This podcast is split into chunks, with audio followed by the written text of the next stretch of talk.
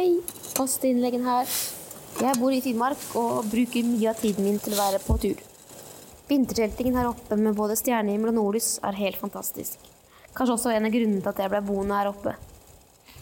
Ikke la kulde og redsel for å fryse sette en stopper for natt ute. Hvis du har en varm sovepose, minst to skikkelige liggeunderlag, ullundertøy, noe varmt på hodet og en varmeflaske, tror jeg også du er klar for å møte vinternatta. Du trenger absolutt ikke kjøpe ny vinterpose for å prøve dette. Du kan fint bruke to soveposer utenpå hverandre. Det er det jeg pleier ofte å gjøre. Soveposen Tana Sømmer fra Barents Outdoor er designet for å være stor nok til å brukes utenpå en annen sovepose, og gjør at tresangsposen plutselig tåler både vinterkulde og kan brukes hele året. Samtidig får du en robust og romslig sommerpose som passer godt til varme sommernetter. Les mer om produktene på barentsoutdoor.no.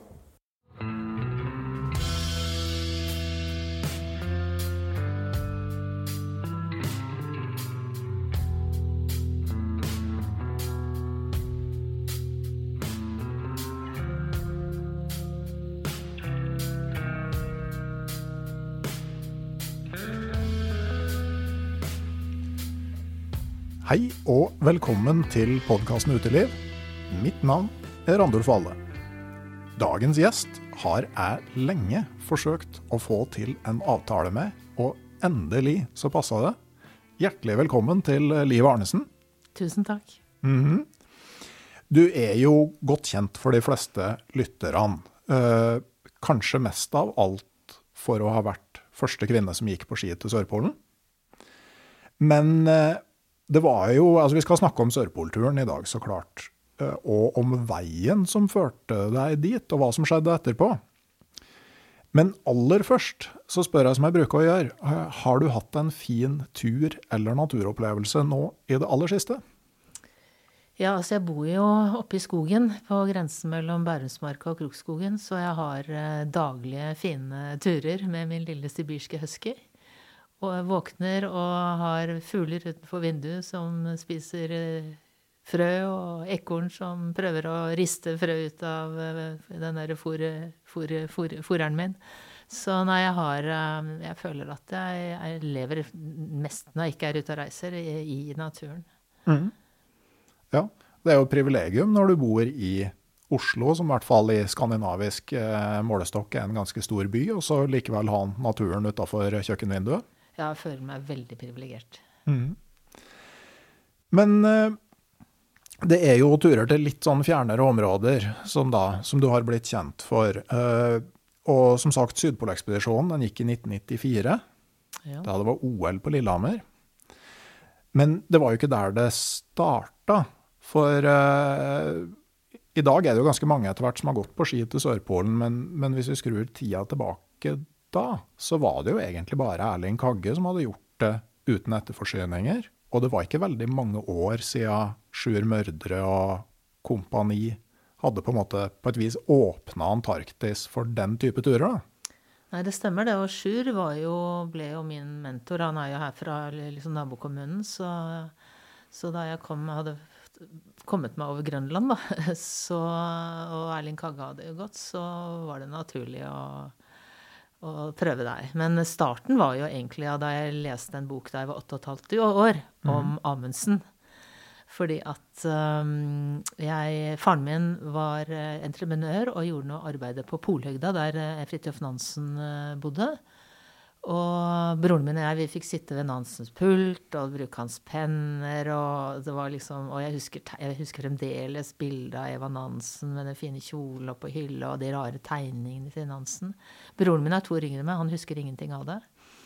Så da jeg kom, så dro jeg på skolen dagen etter eller noe sånt nå, og så spurte om de hadde en barnebok om uh, Fridtjof Nansen. Det hadde de ikke. Men i hylla så sto det eh, em, en bok om Roald Amundsen, på ski, eh, på ski til Sydpolen av Roald, med Roald Amundsen. Og det var starten. For at jeg elsket å gå på ski siden jeg fikk mine første ski da jeg var tre år. Og jeg, det, det liksom, Da jeg leste den boken, så tenkte jeg å, tenk å bare gå gå på de hvite viddene og liksom bare ha med alt du Hundene kan bære alt du vil. og for vi, vi, vi ferierte på fjellet i, i feriene våre. Eh, altså vinterferie og påskeferie. Så jeg har alltid hatt sånn Elsket også hvite vidder og dårlig vær, da. Så Men du gikk altså som I elleveårsalderen så gikk du rett på Amundsens egen beskrivelse av Sørpolferden? åtte og et halvt år. Åtte og et halvt var det. Ja. Så, og så, men den første drømmen jeg kan høre, det, jeg husker det er pga. et bilde foreldrene mine hadde på hylla. Der sto jeg, står jeg i en søledam og har laget en flåte, og det er Kon-Tiki-flåten. For da hadde jeg sett eh, dokumentaren om eh, Kon-Tiki sammen med faren min på Stabekk kino her i Bærum. Og jeg husker jeg så den filmen i femte klasse på barneskolen, og da skjønte jeg ikke at det kunne være den samme filmen. For jeg husker at da jeg liksom drev og liksom malte hvordan den flåteferden skulle være, og, og at det eneste jeg tenkte jeg skulle ha med, det var kokosboller. For jeg var så glad i kokosboller. Jeg tenkte ikke på vann eller noe sånne, sånne mer praktiske ting som man gjør nå. Men eh, den, den drømmen varte ikke lenger, for vi, jeg, ble, jeg var på båttur, jeg ble sjøsyk. Så det, så det ble, det ble Amundsen og ski som egentlig festet seg som en, en slags drøm, eller sånn, ja, dagdrøm. Og, og jeg fortsatte jo å lese alt det jeg kom over etter hvert. Amundsen i stil er, er kanskje ikke så dum for en, eh, for en eh, barneskoleelev, egentlig. Altså, veldig sånn konkret i, det han skriver. Altså, Nansen kan kanskje bli litt mer sånn svevende. Altså. Ja. Jeg leste jo ikke Amundsen selv da jeg var åtte og et halvt år. Det var en, jeg, jeg prøvde å få tak i den boken jeg leste, men det var en ungdomsbok om Amundsen. Ja. Så det, det gikk nok litt senere at jeg leste, leste Amundsen. Men vi hadde jo på ski over Grønland med Nansen da jeg var åtte og et halvt år, men, og jeg prøvde. Men den, den ble for tung. Den, den ga jeg opp. Det var derfor jeg gikk på skolebiblioteket og spurte om de hadde noe annet. Bare sånn som digresjon i dag, da, så kan jeg jo varmt anbefale Bjørn Ausland sine tegneserier om de klassiske ekspedisjonene. Det er veldig fine barnebøker. Jeg har jeg, barnebarna mine liker det. Men, men eh, hva var det som fenga deg med, med det her, da? Altså, eh, altså hva, hva var det som liksom måtte dro deg inn i det her? Jeg tror det er eh, Altså, jeg, altså jeg, så jo alltid frem til å komme til fjells. Og gå på ski i, fjellet. Så jeg tror det var noe de der åpne viddene og kjenne vær og vind og Og jeg husker eh, når vi kom fra tur, så hvis det var ville jeg gjerne ut igjen. Og særlig hvis det var dårlig vær, så Foreldrene mine var ikke så veldig blide for at jeg skulle dra ut igjen i vær og vind. Men så når jeg var sånn 13-14 år, tror jeg, så dro jeg ut allikevel, og det var dårlig vær. Men heldigvis så hadde jeg alltid, fra da løp jeg orientering, så jeg hadde alltid kompass i, i lomma. Og så gikk jeg, og så plutselig så var det helt tett. Så ingenting. Og da husker jeg at jeg greide å skjønne at altså vi har eh, hytte, og da etter hvert fikk hytte under Regneskarvet, så det er rett nord. Så tenkte jeg at hvis jeg bare går rett nord, så kommer jeg i hvert fall rett rett i fjellveggen. Så jeg tråklet meg frem og tilbake, og så snubla jeg inn i en løe på den seteren. Og da skjønte jeg egentlig hvor Da fikk jeg sånn aha, hvor farlig det egentlig kan være å bare gå ut i det, ut i det store hvite. Så det var Det husker jeg var skikkelig sånn læring at, å, å passe på at, at jeg har alt utstyr, og hva hvis jeg ikke hadde hatt det kompasset, f.eks. Mm. Så det var Men Ganske kaldblodig reaksjon da, i såpass ung alder. Ja. Jeg vet, jeg vet ikke om noen hadde sagt det til meg, men jeg, jeg, men jeg, kunne jo kart og kompass. Og jeg visste jo at eh, skarven lå øst-vest Mhm. Og sånne ting, for det er liksom vestavind og nordavind og sånn.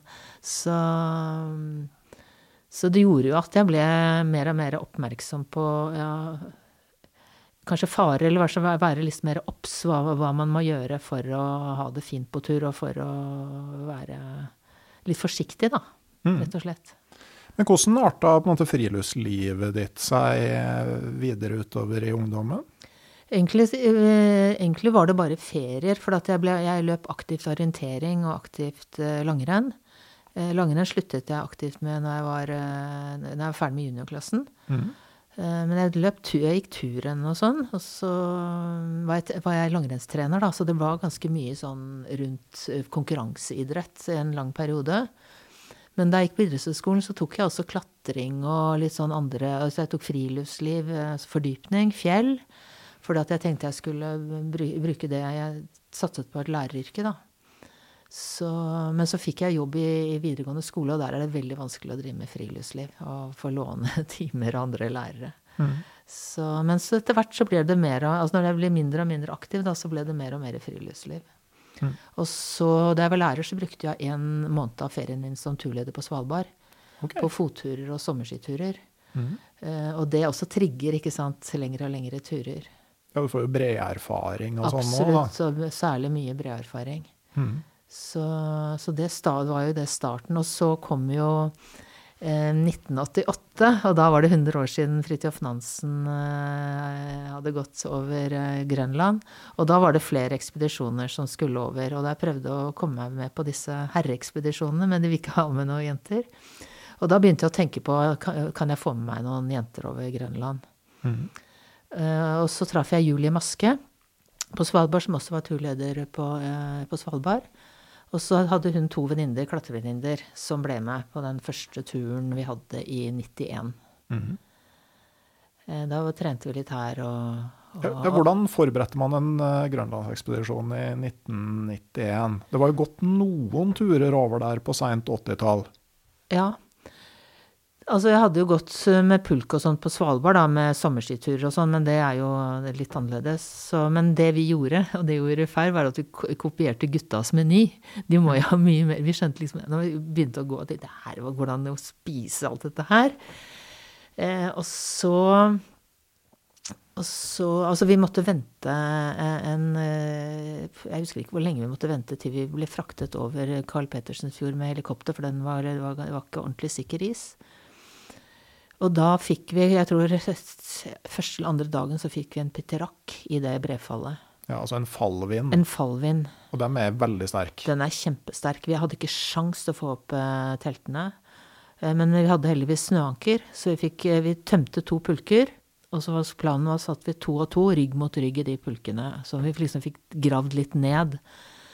Og så satt vi der, og så tenkte jeg fy søren, det, det, det, det ristet, ikke sant, eh, i pulkene. Og så tenkte jeg jeg har ett snøanker til, jeg tror jeg må ut og liksom sa det, for dette her syns jeg virker litt skummelt, så vi ikke bare raser ned breen eh, sånn bob, bob, ikke sant, rett ned på fjorden. Så dro jeg ut, og så fikk jeg hamret ned det og fikk ordnet det. Og så når du da kryper så langt ned, så føler du liksom Nei, nå tror jeg kanskje det har stilnet.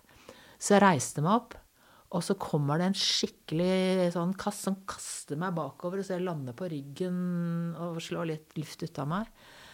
Og så litt sånn omtumlet, og så snur jeg meg, og så, og så ser jeg liksom reiser meg opp. Ikke reiser meg men ser liksom hvor er pulkene? Jeg ser ingenting. Det er bare kav.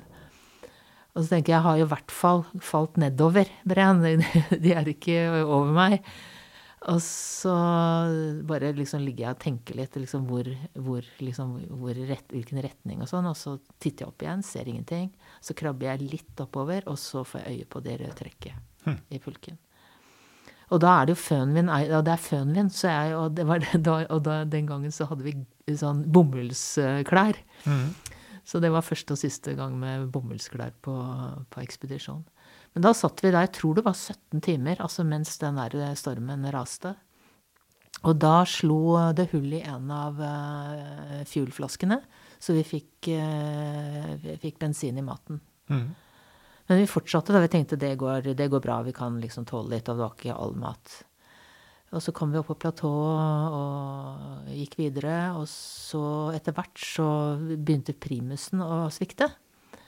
Og da skjønte vi at vi hadde fått uh, brennstoff med bly. Uff da.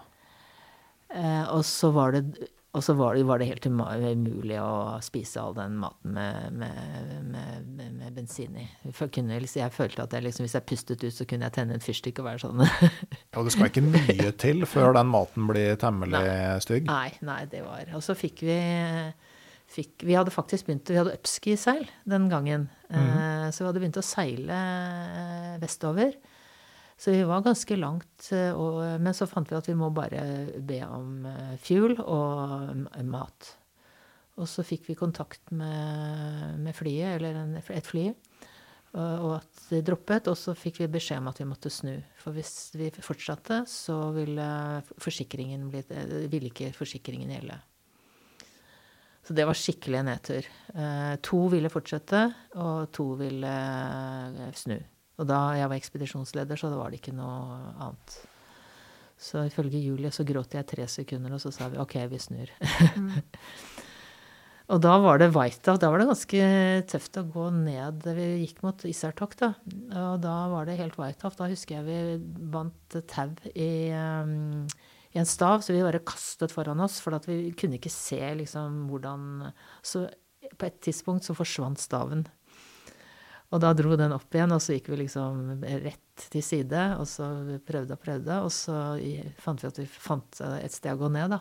Og da vi snudde oss, så så vi den, den veggen av is. Mm. Så ikke sant, så hadde vi bare vært litt sløve, og bare, så hadde vi bare falt utfor det der en, en, kanskje en fem-ti meter. Så, så kom vi ned til Lissartok, da, og så var det slutt, egentlig. Mm. Men da gikk Julie og planla neste år. Så da gikk vi over neste år. Mm. Med lettere pulker og mindre mat.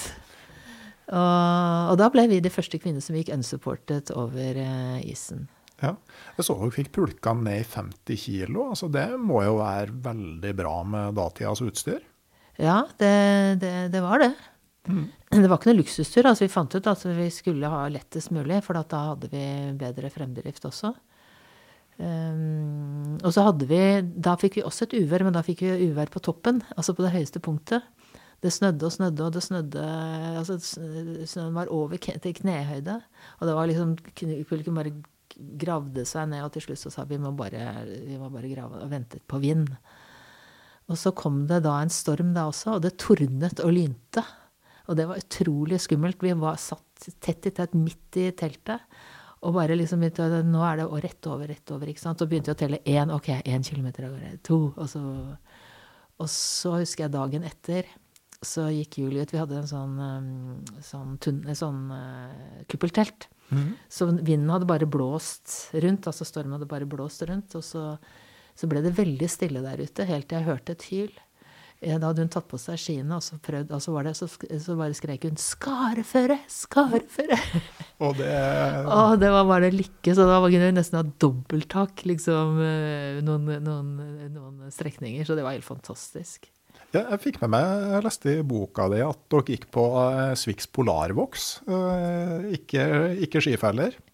Nei, det husker jeg faktisk ikke. Nei, for i dag så De fleste går jo på kortfeller, men det, ja. det var jo ikke noe som fantes da? Nei, eller, nei, jeg, nei jeg, tror ikke vi gikk med, med feller. Nei. Så, og så gikk vi faktisk med, med sekker også, for at, sånn at smølingen kunne liksom At du trykker skiene ordentlig ned. For det var liksom stive ski også. Mm. Så nei, det var litt annerledes. Mm. Men, men, det at liksom gutta ikke vil ha dere med, altså, hvor på en måte alvorlig er du når du sier det? Nei, det, det, det, det var altså, det var nei. Det var nei. Ja. Det var ikke noe og, og grunn eller noe sånt noe. Eh, så ja, så mm. var det. Hvordan var reaksjonene da dere eh, dro sjøl, da? Nei, det husker jeg ikke. Nei. Det husker jeg faktisk ikke. Mm. Nei. Nei, for det var liksom, Jeg drømte jo om Sydpolen, så jeg tenkte at jeg kommer aldri til Sydpolen, men jeg kan komme på ski over Grønland. Mm. Så, så det, var, det, var, liksom min, min, min idé med å, med å, bare komme seg over Grønland. Men vi hadde også en fantastisk Når, var, når Julie og jeg kom over, så møtte vi en Da var det en gruppe amerikanere som skulle smelte seg ned på innlandsisen eh, til et fly som ble satt ned under siste verdenskrig. Og der var det en eldre kar som het Norman Vaughan, som var basecamp manager. Og han var veldig interessert i vår eh, ekspedisjon. Og så sa jeg til han på et tidspunkt ja, drømmen min er egentlig Sydpolen. Og så sier han ja, jeg var med admiral Byrd på hans sydpolekspedisjon i 1928. Så sa jeg, altså Da tenkte jeg typisk amerikansk grønnmaker.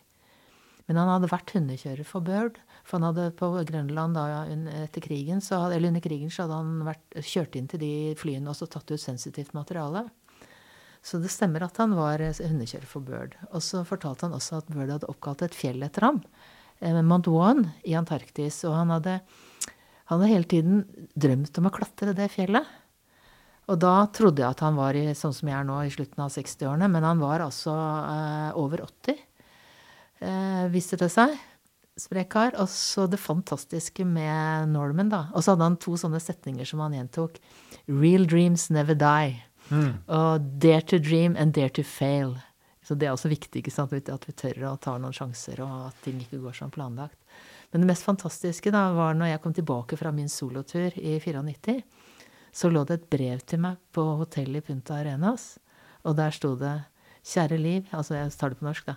Kjære Liv, gratulerer med din sydpoltur. Jeg står på mitt fjell på min 89 års fødselsdag. altså det er bare ikke det er, eh, det er noe å tenke på når, man tenker, når folk sier nei, det er for seint for meg. ikke sant? Hvis man har en eller annen drøm eller drive, så er det bare å prøve. Mm. Ja. Ja, for det, du ga deg jo ikke med Grønland. Altså du, det er jo en rød tråd ikke sant, fra boka med, om Amundsen da, og drømmen om de hvite viddene til Grønland. Og du, du, realiserte jo den drømmen om Antarktis. Altså, hvordan var veien fra Grønland til, til start i Antarktis? Den var ganske rask, egentlig. For da, da, jeg kom Dette var jo 92, da, 1992, da Julie og jeg gikk over. Og så, og så, gikk jo Erling Kagge alene året etter. Mm. Og jeg kjente jo Erling, og jeg visste jo at jeg var mer erfaren på bre. Jeg hadde gått så mye på bre. Og jeg vet, skal ikke si at jeg var bedre skiløper, men i hvert fall så var jeg rimelig bra skiløper. Så da, da luftet jeg for mannen min, min eksmann nå, da, at jeg lurer på om jeg skal gå til Sydpolen. Jeg. Og så spurte jeg Julie om hun ville være med, men hun sa nei, nå er jeg så lei av hvite vidder. Og, og, og, og, jeg kjente ingen som ville det like mye som meg.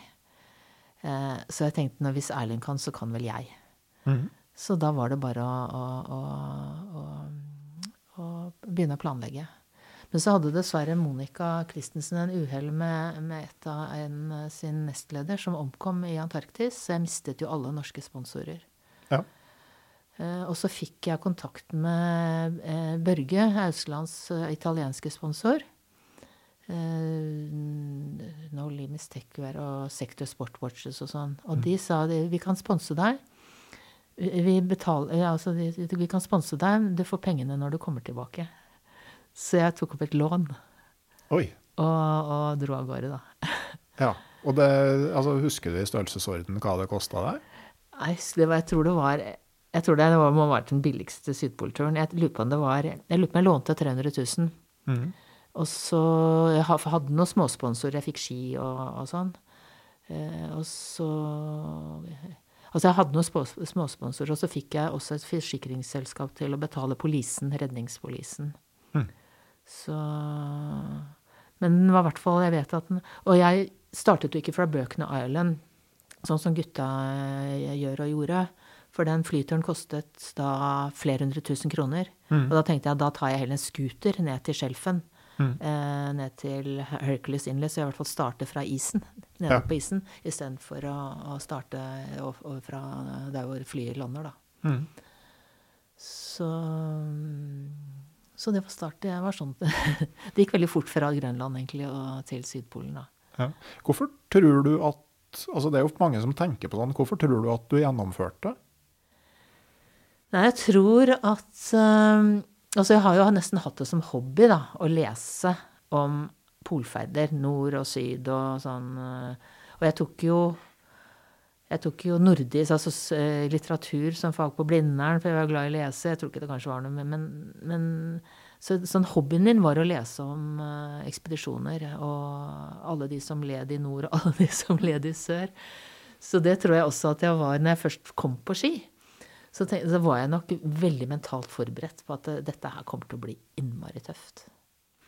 Ja, og så, så blei det jo ikke på en måte så tøft som du det er klart Når du har lest Scott og uh, Shackleton og da, Det er jo en sånn slags høydeoppholdseffekt ja, i det. Ja, ja. Og så når man er liksom vant til å være i fjell og i For det første så er det jo så tørr luft i Antarktis. ikke sant? Vintercamping i Norge er jo mye mer ubehagelig mm. enn å ligge i teltet i midnattssol. Ja, for det er jo sommer der, ikke sant? Det er sol hele året, eller hele døgnet, hvis det ikke er noen uvær og sånn, da. Mm. Så, så den, den, den, delen var jo veldig behagelig. Jeg kunne bare sitte i, i, i ulltrøye og være helt tørr. Ja, I teltet, liksom? I teltet, ja. ja. Eh, men selvfølgelig var det kaldt, ikke sant. Det blåste jo hele tiden. Mm. og eh, så, så det var jo bare Jeg hadde korte stopper og, og passet på å spise og drikke litt hver time. Men av og til, når det ikke var sånn veldig høye skavler og sånn, så kunne jeg plutselig føle at fy søren, nå er jeg sulten er jeg allerede nå. Og så hadde jeg gått i tre timer, ikke sant, bare i sånn flow. Ja. Og det er jo helt fantastisk. Du, du eh, beit meg merke i at du drev og memorerte dikt. Ja. For å få sånne stayer-låter, altså sånne plagsomme melodier du får på hjernen, og få dem ut av hodet. Ja, for at på Grønland så hadde jeg fått lambada på hjernen. Og så hadde jeg, eh, Julie også hadde eh, Og jeg husker ikke hvem av oss som hadde det, men hvert jeg husker ikke om det var lambada eller Men i hvert fall så, så, Nei, jeg hadde jeg, Først hadde jeg I Want To Ride My Bicycle av Queen. Og den er litt sånn, den er litt sånn ensformig og kjedelig. Og så sa jeg, sier jeg til Julie Fader, jeg har fått en ny melodi på hjernen. Det har jeg også, sier Julie. Ja, hvem har du fått, da? Lambada, sier hun. Og da fikk jeg den på hjernen. Og det er veldig enerverende. Ja. Og det sies det da jeg les, kom hjem, så leste jeg da, da det sier at eh, altså alle får, Det er veldig mange som har opplevd det, at det får et eller annet melodi på hjernen når det går tur. Men da kjeder hjernen seg. ja. Og da tenkte jeg at som gammel norsklærer, så når jeg skulle alene til Sydpolen, så skulle jeg ta meg med lyrikk. Og så kom jeg jo også inn i et forferdelig mm, skavleområde. Så, og jeg ikke hadde eh, pulken min i tau. Så hver gang jeg kom over en sånn Det er en sånn frosset hav du går på, egentlig.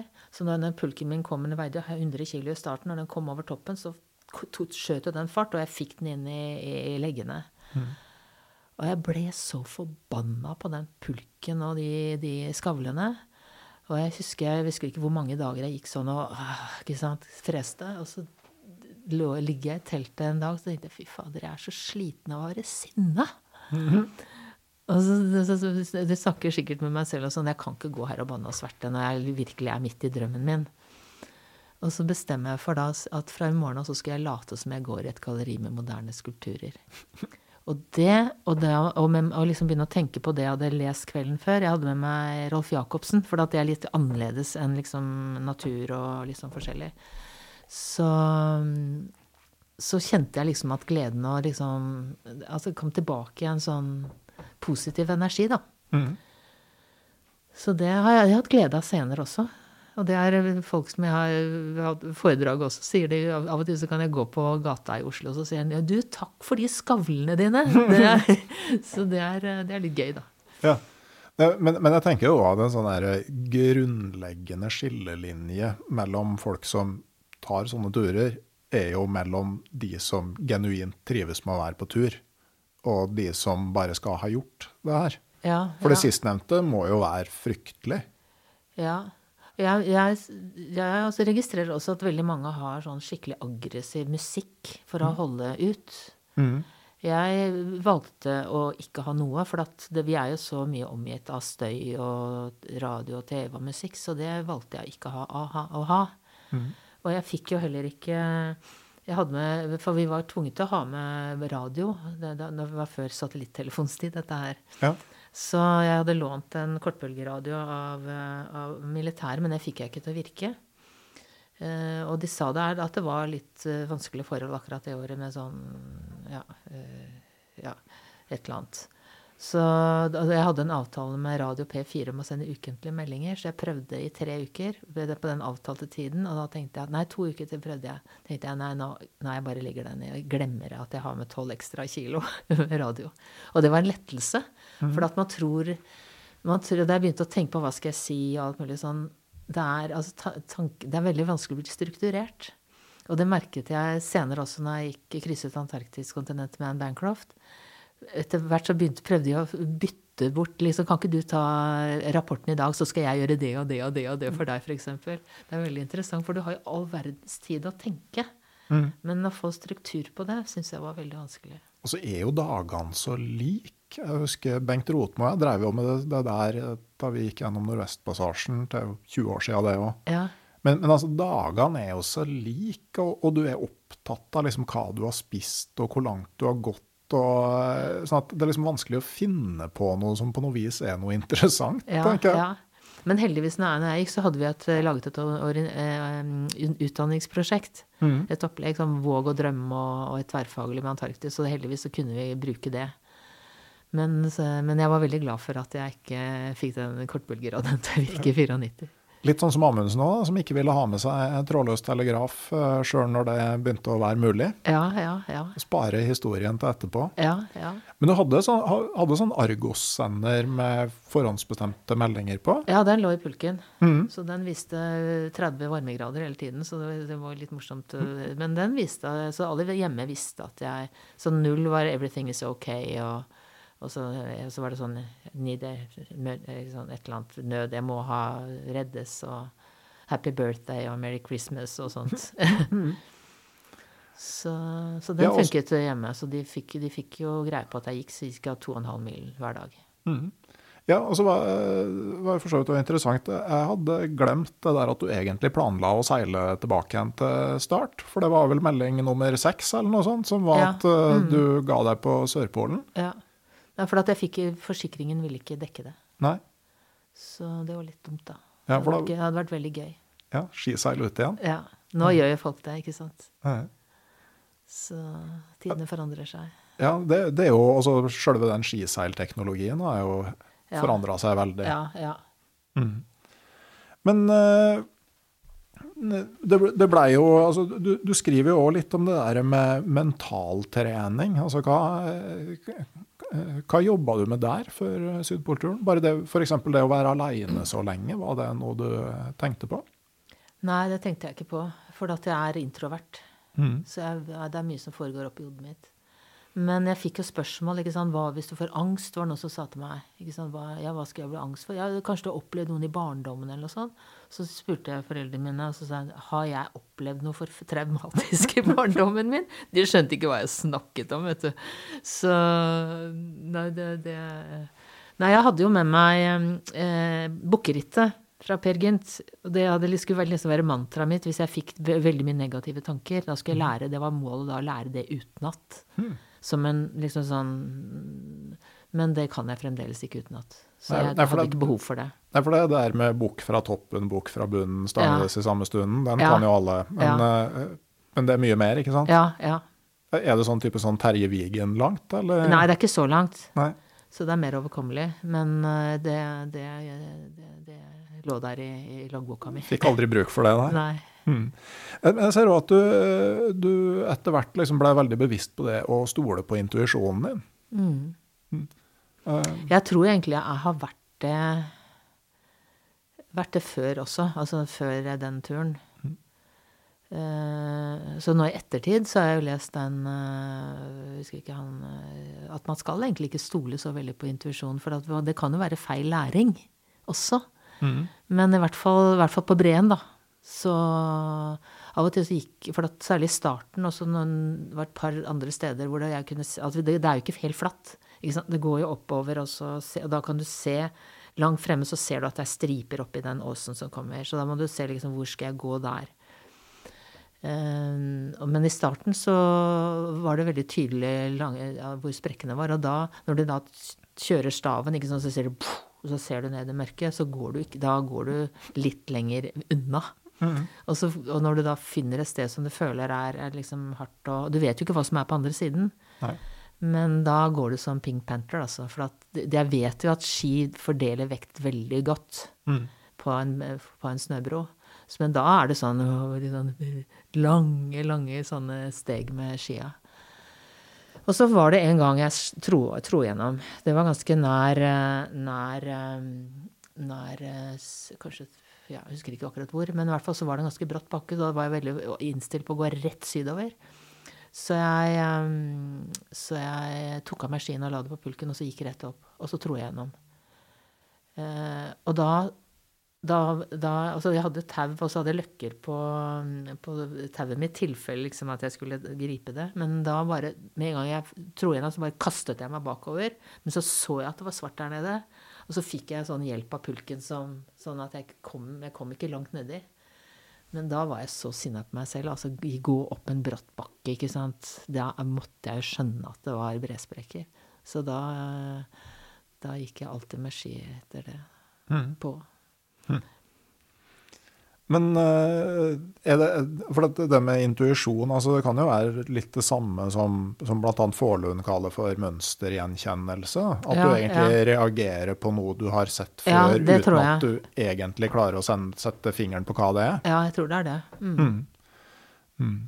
Men eh, det blei jo ikke den eneste Antarktis-turen det der. eh, For du og Anne Bancroft kryssa jo hele Mhm. kontinentet. Altså, hvordan skjedde det? Hvordan møtte dere hverandre? Altså, hvordan endte dere opp med å gå sammen? Ja, det var veldig Det var, det var helt utrolig. For at når da, da De siste ukene inn mot Sydpolen da, jeg, da var jeg lærer i videregående skole, og så tenkte jeg da, Jeg hadde bare så glede. ikke sant? Vet du, Dette må jeg bare dele med elevene mine. Det er jo viktig. Det har en retning eller en drøm eller noe sånt. Så jeg begynte å skrive en sånn slags management-bok for ungdom. Hvordan de kan finne drømmen sin.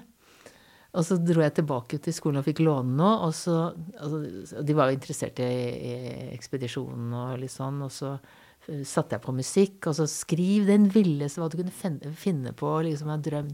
Altså Noen sa at å drømme, vi er for gamle til å drømme, sier liksom elever i videregående. Og tenkte jeg nei, kanskje, kanskje det ikke er så veldig og Jeg tror kanskje ikke det er noe særlig interesse for en sånn bok. Og så rett etterpå så fikk jeg et brev fra Anne Bancroft. Hun spurte om jeg ville være med å krysse Antarktis eh, sammen med henne for å bruke den ekspedisjonen til å også lage et undervisningsopplegg hvordan ungdom, kunne, ungdom og barn kunne finne drømmene sine. Og da tenkte jeg hæ, er det mulig? Er det en som tenker akkurat det samme med meg som på andre siden av Atlanteren? Og det var jo helt utrolig. Så, så da øh, dro jeg over, da, og snakket med henne. Og vi, hadde, vi, er, altså, vi er søstersjeler. Så det er helt utrolig. Vi har jo nær kontakt eh, fremdeles. Ja. Så, så det var fantastisk. Og så viste seg også, selv om vi trodde liksom, vi var kjempelike og eh, samme polarbøker i hylla til foreldrene hennes og mine og Men så Anne, hvis hun jeg, vil, jeg vil ha, gjerne ha fakta på bordet, alt liksom, og så tar vi en beslutning, og så gjør vi det, går vi. Eller altså, om det er utstyr eller hva som helst.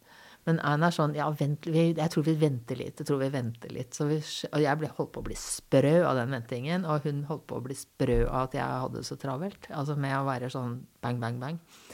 Til slutt så ble det en liten sånn fight, og så, og så, så sa vi, til slutt så sa vi søren, det er egentlig veldig bra at vi ikke er så like. At noen kan si stopp, og noen kan si la oss vente litt. Eller la oss gå videre nå. Så det hender at jeg sier 'kan du gasse litt', og så sier hun 'ja, kan du bremse litt'.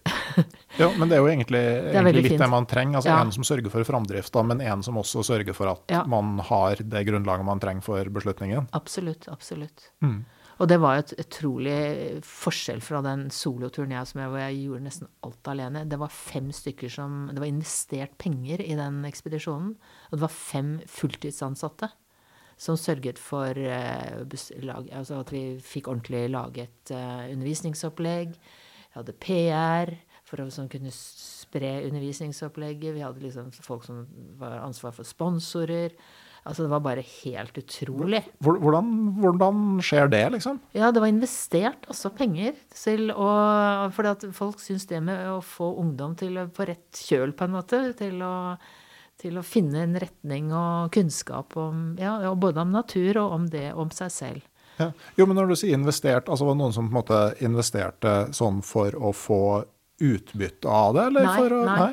Rent, rent ideelt. Ja, så det, Men jeg tror nok de hadde trodd at det skulle Altså i etterkant så tror jeg at de trodde det skulle komme inntekter av, av sponsorer.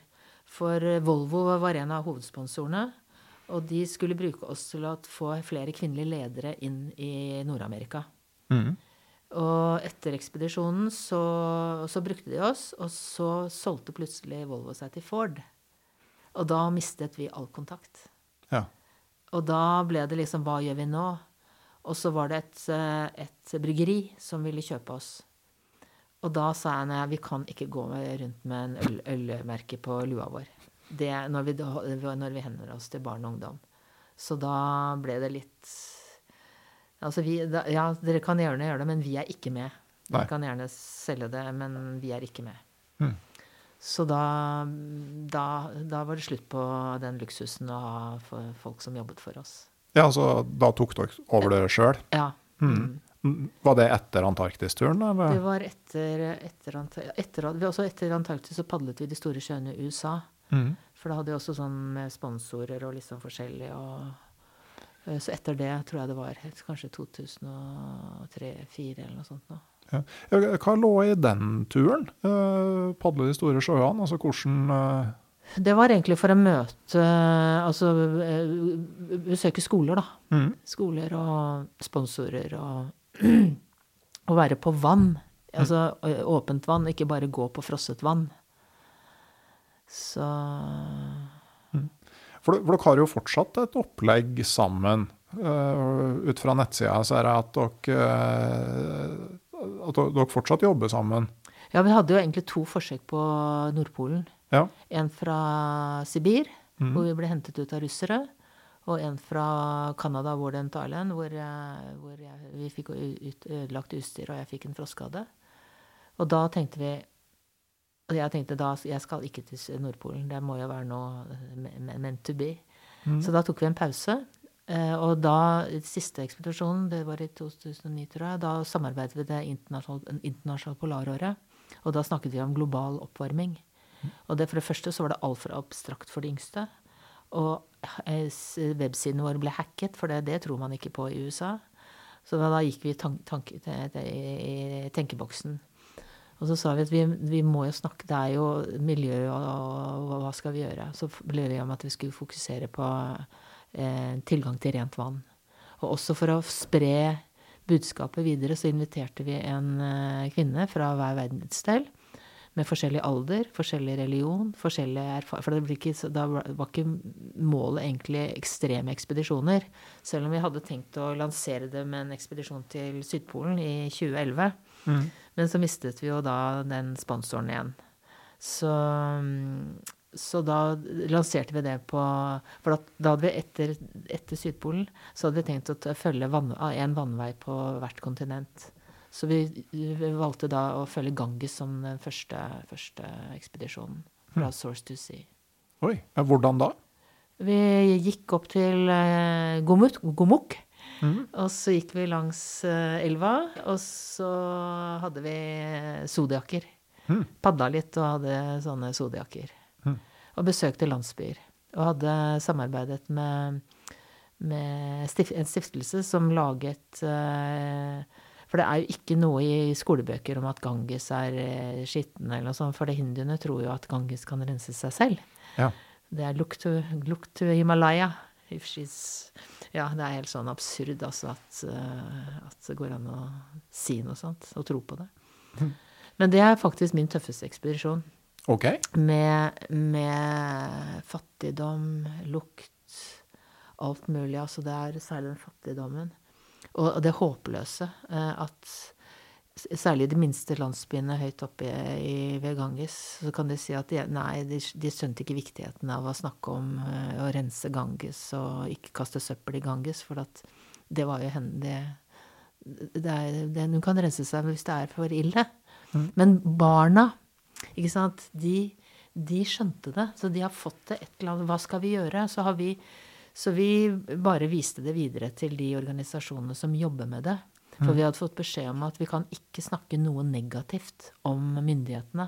Nei. For da vil de bare sende oss hjem. Mm. Og så det også å være kvinner, da. Åtte kvinner som eh, bodde i telt langs bredden på Ganges. Og to, to steder så sa myndighetene, det, det her, de som, vi, som hjalp oss med å organisere det, at her må dere leie politi, her kan vi ikke garantere for deres sikkerhet.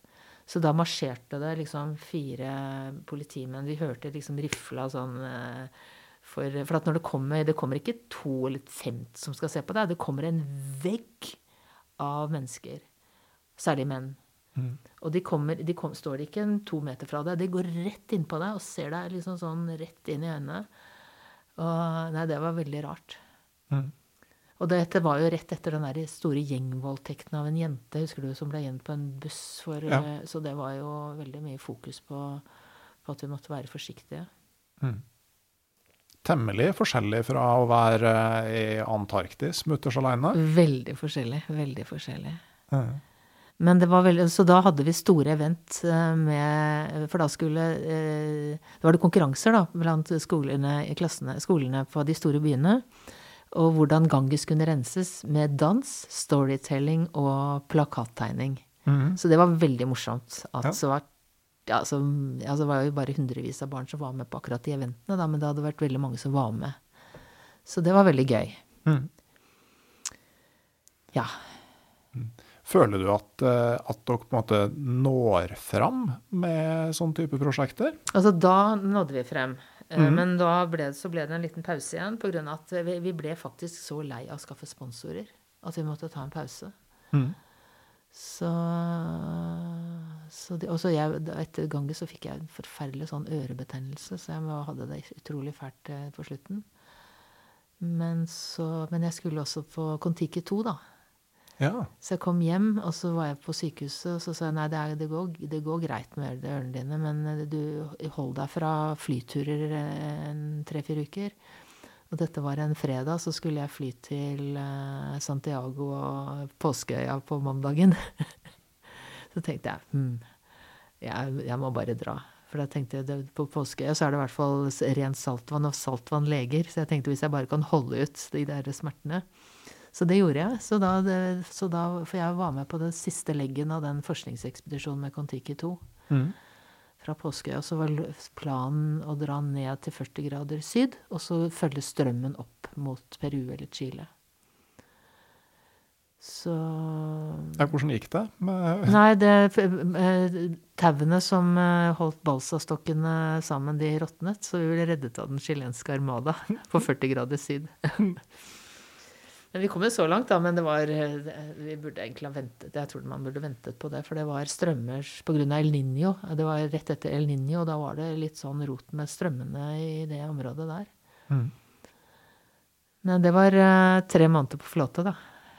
Hvordan er det? Altså sånn, for, sånn I forhold til å gå på ski med en pulk, så ser jeg for meg at Nei, altså det var det, altså det, det jeg tenkte på den første drømmen jeg hadde med, med Kon-Tiki, da jeg sa ja Mm. For at eh, det var Torgeir Higraf var ekspedisjonsleder. Han sa at eh, Jeg mener du sa ja etter tre sekunder. så Nei, jeg ante vel ikke at det skulle bli så, for at vi var frem og tilbake, frem frem og tilbake. Jeg ante ikke at det skulle bli så lang tur. Men jeg ba om å ha vakt fra, fra fire til åtte, om, altså den morgenvakten, og så den på ettermiddagen. da. Og altså den stjernehimmelen og de stjerneskuddene og bare være under den himmelen var jo helt utrolig fantastisk. Vi så ikke ett fly, ikke én båt. Jeg leste 30 bøker. Så altså, sånn sett så var det en liksom en, Det var deilig etter den gangesekspedisjonen, da. Ja. Og særlig det å svømme da de første det, vi, var, ja, vi var vel en uke på påskeøya før vi dro av gårde.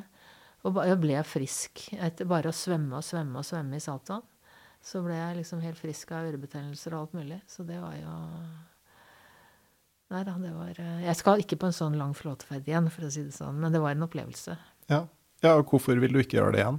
Nei, det er for passivt. Det er for Ja. passivt. Og da, vi svømte jo bak båten eh, med tau, men helt til vi fikk besøk av hai. Mm. Eh, selv om forskerne sa da at nei, denne haien er ikke farlig, men den ser ganske farlig ut. Så det er ingen av oss som svømte etter den. Nei, det, det blir jo litt, kanskje litt eh, ikke sant, at uh, du har ikke noe sånn personlig grunnlag for å vurdere det, og da er det litt uh, vanskeligere å Ja, nei. Jeg er egentlig landkrabbe. Ja. Så, men eh, det var, eh, nei, det, var, det var en opplevelse, det var det. Og særlig jeg, det jeg sitter igjen med, er jo det, de, den himmelen, altså den natthimmelen, helt alene der. Altså, vi hadde vært to og to på vakt, da. Men vi byttet én time hver. Én satt foran og enten leste eller bare hørte på musikk og så på stjernehimmelen. For vi hadde sånne fire sånne eh, ror som vi måtte løfte. For det var ganske vanskelig å styre en sånn flåte. Mm. Det gjorde jo ikke Heyerdahl, men nå kan man De kunne det før man Han hadde sikkert gjort det, han hadde bedre tid. Så det var en jobb å være sånn rormann der. Mm. Så det var Altså, nei, det var eh, For den stjernehimmelen får du jo da ikke i Antarktis, ikke sant? Når Nei. du, Du får den nesten ikke andre steder heller, for det er, ikke mørket er så totalt der. Det er ikke noe For fjellet er det jo sånn. Men, eh, men, men den enorme himmelen eh, på Stillehavet, altså, den Mm. er eh, Den er fantastisk. Det er kontraster, da. Ja. Men sånn, når du, sånn med Heierdal og Amundsen og alle de andre du har lest, altså Har du lært mye av dem? Ja, jeg må jo si at uh, altså det å planlegge skikkelig, som uh, Amundsen er en uh, foregangsmann for, det tror jeg alle norske eventyrere, polfarere, har lært. At planlegging er viktig. Mm. Um, Ja, for, for det er jo liksom påfallende hvordan den britiske og den norske tradisjonen på et vis har holdt seg inn i moderne tider. ja, det er sånn liksom Scott lærte ikke av sine feil, og det gjør jo faktisk ikke mange moderne eventyr i England heller. De kommer hjem med frostskade etter frostskade og lærer ikke av den feilen de gjorde på turen året før. Altså, det er veldig rart. Men er det noe på en måte sånn djupereliggende i det at du, den der voldsomme dyrkelsen av lidelsen som gjør at man nesten oppsøker det? Nei, det må du spørre Randall Fines om. Sir Randall Fines vet mye om det, tror jeg. Han Ja. kan, kanskje han kan svare deg. Eller det hadde vært interessant å høre hva han, eh, hva han tenker når han drar på sånne ekspedisjoner og får froskade etter froskade. Ja. Hvor, hvorfor prøver du ikke med noe nytt? Ja, liksom? ja. Mhm. Men uh, du skal jo tilbake til Grønland nå. Ja. Mm. Jeg gleder meg veldig. Ja. Var, jeg var egentlig bare mentor for eh, Silje Løkeng, som var prosjektleder for dette prosjektet. Hun, eh, hun var nede i en sånn dyp dal etter medisiner. Hun har også, har også mm, sånn etter, ja, etter sånne medisiner som krasjer. Så hun var, kom inn i et dypt mørke. Hun er egentlig, hun har vært i Forsvaret, hun er, eh, hun er i et stort oljekompani, eller oljeselskap. Så hun har egentlig redskaper til å løfte seg selv opp mentalt, men hun greide det ikke. Nei. Og så til slutt så fant hun ut at jeg kan, jeg, jeg, altså, jeg må bare begynne med en tur. Jeg, altså, hun skjønte liksom at hun måtte begynne med en tur, og den første turen gikk til postkassa. Så hun bestemte seg for å gå en tur hver, hver dag i ett år. Og så på, på slutten så tok hun en tur alene, første gang alene med et pulk i fjellet. Og da tenkte hun jeg må gjøre noe større. Jeg, kanskje jeg kan liksom gi noe tilbake til kreftforskning, for jeg er jo faktisk friskmeldt. Og så tok hun kontakt med meg om jeg kunne tenke meg, eh, om jeg kunne tenke å møte henne, og det gjorde jeg. Så kom vi og prat, og så, Hun hadde tenkt å gå alene over Grønland, men det får man ikke lov til mer. Nei. Og så sa jeg hvorfor tar du ikke med deg et lag med brystkreftoverlevende? Eh, så kanskje liksom gjør det litt kanskje nordisk eller internasjonalt eller noe sånt. Så til slutt så, så ble det det, da. Så nå er det en uh, Silje som er norsk. eh, vi har en Inneku som er fra Grønland. Andrea fra Danmark. Og Lisa fra Sverige. Så de skal gå. Vi starter nå sånn i mai, da. I, nå i år 2023. Hva, hva tror du blir likt? Hva tror du blir annerledes enn i Jeg er veldig spent på brevfallene. Eh, Vi kan jo Altså da Julie og jeg startet i 92, så var det 36 kuldegrader, det var snø. Eh, Vi hadde Duken på teltet var antageligvis krøpet, så vi ikke, var ikke mulig å få teltstengene inn i den koppen. Så vi satt der og filte med Leatherman altså for å få lage det kortere. Nå tror jeg vi må bære ganske langt eh, utstyret vårt, altså fra eh, innerste veien der og så over, eh, over opp til punkt 660. Og der tror jeg det er blåis, og det kan være vann, rennende vann. Eh, så det blir Nei, det blir veldig interessant å se hvordan hvordan isen har forandret seg. Eh, hvordan eh, Sånn fra 80-tallet, hvor, hvor gutta ikke ville ha deg med, og fram til nå, har det endra seg? Um, ja, nå er det jo masse mange jenter som drar på ekspedisjon. Har holdninga til det òg endra seg? Ja, det tror jeg absolutt. Det er jo så mange dyktige kvinnelige eventyrere, klatrere, altså klatrere og skiløpere og Så det tror jeg absolutt. Absolutt. Ja, det må jo være litt artig å se når man har altså Uansett eh, til Sydpolen så har du jo liksom gått opp løypa, så det må jo være artig å se dem som har Ja, det kommet er, etter. veldig, det er veldig gøy. Og jeg tenkte jo ikke på det da jeg gikk. Nei? Eh, og så når jeg kom tilbake, så hadde jeg tenkt å gå tilbake til læreryrket. Eh, men så trengte UD De ville bruke meg altså var som sånn kvinnelig rollemodell, hva, hva kvinner kunne gjøre. Så jeg var på forskjellige sånne rundt omkring i verden. Og da ble jeg mer bevisst på hva jeg hadde gjort, når jeg fikk den responsen fra andre land. Mhm. Og, det, og sponsoren min, hovedsponsoren min var fra Italia. Men jeg kom ned der, så kom masse kvinner. liksom De klemte meg, kysset meg og takket meg. Jeg tenkte her, er dette her så stort, liksom? Men, eh, men både Anne og jeg er, er mer bevisst på det at, ble mer bevisst på det at vi kunne være rollemodeller for jenter og kvinner. Mm. Så det tar vi alvorlig, faktisk. Ja. Og det er jo veldig gøy også, at det ble noe mer enn det jeg hadde tenkt i utgangspunktet. Mhm. Men like fullt var det første i år at kvinner fikk hoppeskiflygning. Ja, tenk deg det. Det er jo Og nå er, var det en fyr i styret som mente at det, det, var, det var for farlig allikevel, så du kanskje ikke får lov til å gjøre det neste år. Så det er fremdeles en kamp om det. Ja. Men eh, med drømmene, hvilke drømmer er det du har nå? Nei, jeg, og jeg skal jo, skal jo videre med prosjektet vårt. eh, om et år så skal vi padle Wanganui River på New Zealand.